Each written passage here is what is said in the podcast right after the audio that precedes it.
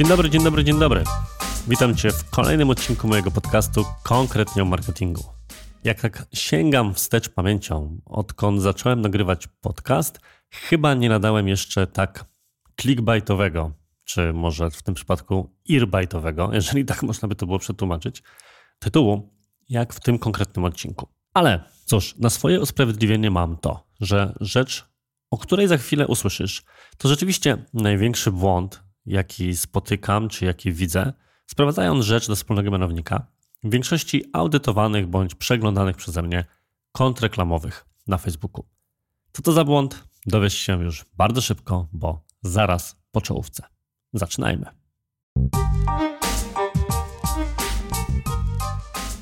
Reklama na Facebooku, podobnie jak reklama w każdym innym medium reklamowym, do łatwych nie należy.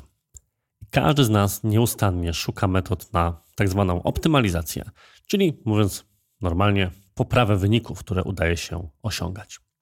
Szukamy informacji na forach, szukamy informacji na grupach na Facebooku, eksperymentujemy, czytamy w książkach, artykułach itd. Tak w ten sposób bardzo łatwo wpaść w spiralę case studies czy przechodzenia od techniki do techniki, żeby dowiedzieć się coraz więcej.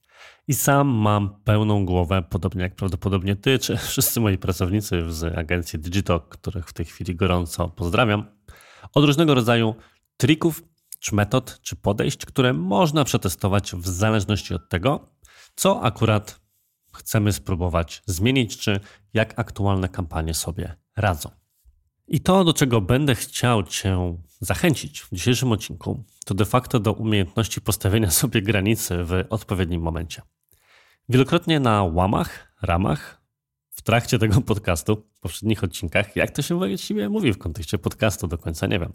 W każdym razie, w poprzednich odcinkach tego podcastu wielokrotnie podkreślałem, że ludzie mają tendencję do przekomplikowywania swoich reklam na Facebooku, począwszy od struktury konta, na przykład po takie rzeczy jak zbyt dużą liczbę kreacji reklamowych. Powodem, który podawałem najczęściej, dla którego uważam, że nie powinno się kombinować aż tak dużo, był budżet.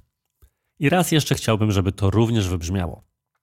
Im mniejszy budżet mamy, tym bardziej ogólne ustawienia reklam stosujemy i tym mniej, może nie tyle przykładamy się, bo to nie o to chodzi, ile tym mniej przejmujemy się na przykład dokładnością pewnych ustawień. Natomiast drugi wątek, który poruszałem w podcaście i nie tylko, bardzo często, to wątek tego, że biorąc pod uwagę, jak działają na przykład zainteresowania na Facebooku, odsyłam Ci do odcinka, który jest temu poświęcony, łatwo jest stwierdzić, że hmm, w zasadzie niewiele jest zależne od tego, jak my do końca ustawimy pewne rzeczy, bo poziom dokładności, na którym nam zależy, jest praktycznie nieosiągalny. Zapamiętaj więc proszę, za czym powiem Ci, jaki jest największy błąd, właśnie te dwie rzeczy. Po pierwsze, w przeważającej większości wypadków budżet nie pozwala nam zbytnio rozwinąć skrzydeł, jeżeli chodzi o testy, a po drugie, same testy mogą nie być aż tak wiarygodne do końca, z uwagi na to, jak działają na przykład zainteresowania, o czym właśnie nagrywałem już jeden z poprzednich odcinków. I to prowadzi nas do jednego największego błędu, największego problemu, jaki sam sobie robisz w reklamach na Facebooku, zgodnie z tytułem tego odcinka. Uwaga! Tym błędem jest tworzenie i testowanie zbyt dużej liczby grup odbiorców. W nazwisku facebookowym chodzi oczywiście o zestawy reklam, bo dla przypomnienia dla tych, którzy na przykład od tego odcinka rozpoczynają swoją przygodę z kampaniami na Facebooku, czy jakąś szerszą nauką w tym temacie, konfigurując kampanię na Facebooku przechodzimy trzy etapy. Etap kampanii, czyli wybór celu reklamowego, etap zestawu reklam, czyli właśnie ten etap, gdzie tworzy się grupę odbiorców, czy w zasadzie się ją określa, oraz etap trzeci, czyli już konfiguracja samej reklamy w rozumieniu kreacji posta albo dedykowanej kreacji pod konkretną grupę reklamową. Natomiast dlaczego twierdzę, że większość reklamodawców tworzy zbyt dużą liczbę grup? Wiąże się to bardzo mocno z wątkiem nakładania się grup odbiorców na siebie i wykluczania, o którym też wielokrotnie mówiłem już na ramach podcastu, w różnego rodzaju wystąpieniach i tym podobnych, ale chciałbym teraz właśnie jeszcze szerzej o tym opowiedzieć w tym jednym konkretnym kontekście. W skrócie, bo oczywiście odsyłam Cię i zachęcam do wysłuchania poprzednich odcinków poświęconych już stricte temu zagadnieniu, chodzi o to, że Większość grup docelowych na Facebooku, niezależnie od tego, jak one się nazywają w systemie, to tak naprawdę ci sami ludzie pod różnymi nazwami. Wynika to z bardzo prostego powodu, a mianowicie na Facebooku człowiek jednocześnie może interesować się wieloma rzeczami. Oraz drugi powód, z którego to wynika, również bardzo logiczny, kiedy nad tym się zastanowić, jest następujący. Jeżeli ja interesuję się jakąś rzeczą, a system facebookowy jest systemem, który ma za zadanie rekomendować mi nie tylko to, co już mi się podoba, ale pomagać mi również odkrywać nowe rzeczy i nowe treści, to automatycznie jestem przypisywany do innych pokrewnych grup.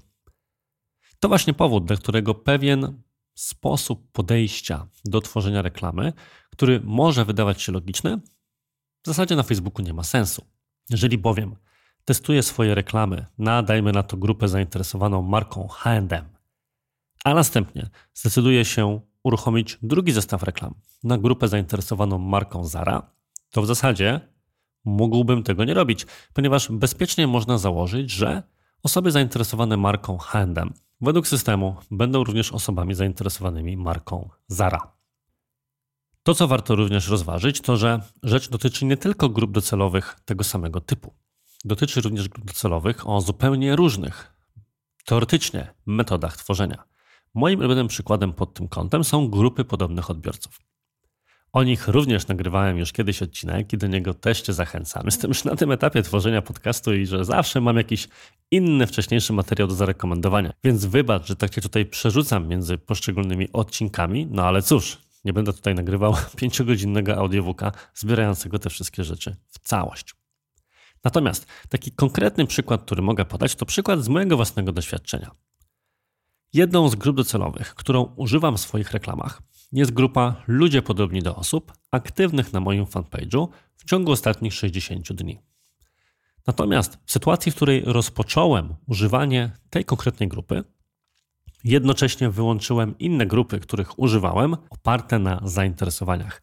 A w zasadzie skonfigurowałem je nieco inaczej, żeby być ścisłym, ale nie jest to ważne w tym konkretnym odcinku. Dlaczego? Dlaczego po prostu nie dołożyłem kolejnej grupy docelowej, żeby zobaczyć, czy nie będzie ona skuteczniejsza? W końcu to jest właśnie najczęstsza strategia, którą ludzie przyjmują. Chcą przetestować nowe kreacje oraz po drugie nowe grupy odbiorców, żeby dzięki temu sprawdzić, czy nie ma tam jeszcze poukrywanych jakichś klientów, do których w ten sposób uda się dotrzeć. Tymczasem ja, przetrenowany i świadomy tego, jak działają wykluczenia i nakładanie się grup docelowych na Facebooku, bardzo szybko sprawdziłem, że zainteresowania, których używam, de facto pokrywałyby się z tą grupą. Da się to zrobić bardzo prosto.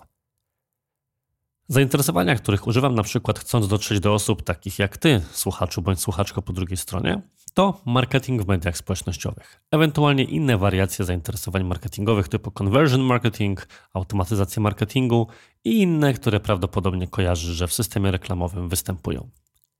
Kiedy natomiast Wziąłem zestaw reklam, w którym używałem swojej grupy podobnej do osób aktywnych na moim fanpage'u, a następnie wykluczyłem z tej grupy odbiorców właśnie te dwa zainteresowania, to z blisko 200 tysięcy, które jest zwyczajowym rzędem wielkości grupy podobnych odbiorców, zostało mi zaledwie kilkanaście tysięcy. Jest to bardzo logiczne. I właśnie w odcinku, w którym mówię o grupach odbiorców, mówię także o tym. Kiedy tworzymy grupę odbiorców, system sięga po wiedzę, którą już ma na temat użytkowników. To nie jest tak, że grupa podobnych odbiorców pomoże nam znaleźć jakichś nieistniejących ludzi wziętych nie wiadomo skąd, jakimś cudem do tej pory funkcjonujących poza systemem. Nie. Między innymi Facebook, algorytm reklamowy Facebooka będzie dobierał osoby w oparciu o zainteresowania. Jeżeli mamy tego świadomość, a i tak chcemy użyć grupy podobnych odbiorców, musimy wobec tego zadbać o to nie tylko, żeby skonfigurować tę konkretną grupę i ją uruchomić, ale również o to, żeby zadbać, żeby nie wchodziła ona w konflikt z innymi grupami, których już używamy. I właśnie dlatego najczęstszym błędem, który popełnia, robi sobie krzywdę w ten sposób większość ludzi, jest tworzenie i używanie zbyt dużej liczby grup docelowych jednocześnie. Podstawowym wnioskiem, morałem z tego odcinka, z którym chciałbym Cię wobec tego zostawić, jest rzecz następująca. Za każdym razem, kiedy rozważasz optymalizację swojego konta reklamowego, rozważasz, co powinieneś bądź powinnaś zmienić w swoich reklamach, to podstawową rzeczą, która przyjdzie Ci do głowy, jest przetestowanie nowych grup odbiorców. To może się wydawać bardzo logicznym posunięciem, Ale jak widzisz, w oparciu o to, co powiedziałem Ci o mechanice działania systemu, w rzeczywistości czymś takim tak naprawdę nie jest. Im więcej grup docelowych, tworzonych nawet najróżniejszymi metodami dostępnymi w obrębie systemu reklamowego Facebooka i Instagrama, tym większe niestety prawdopodobieństwo, że będziesz docierać wielokrotnie do tych samych ludzi, a nie do nowych osób. Jak to rozwiązać? No cóż, trzeba bardzo dużą wagę przykładać do wykluczeń i zarządzania grupami oraz wzajemnym nakładaniem się na siebie grup, których już używa się w kampaniach. A szukając metod optymalizacji, sięgać po inne rzeczy. Być może po pewne ustawienia na poziomie struktury, techniki, może jakieś ustawienia na poziomie samej kreacji czy zmiana kreacji, a może jeszcze coś innego. Na przykład lepsza praca nad lejkiem sprzedażowym czy zarządzaniem budżetem jako takim. No ale to już temat na inny odcinek.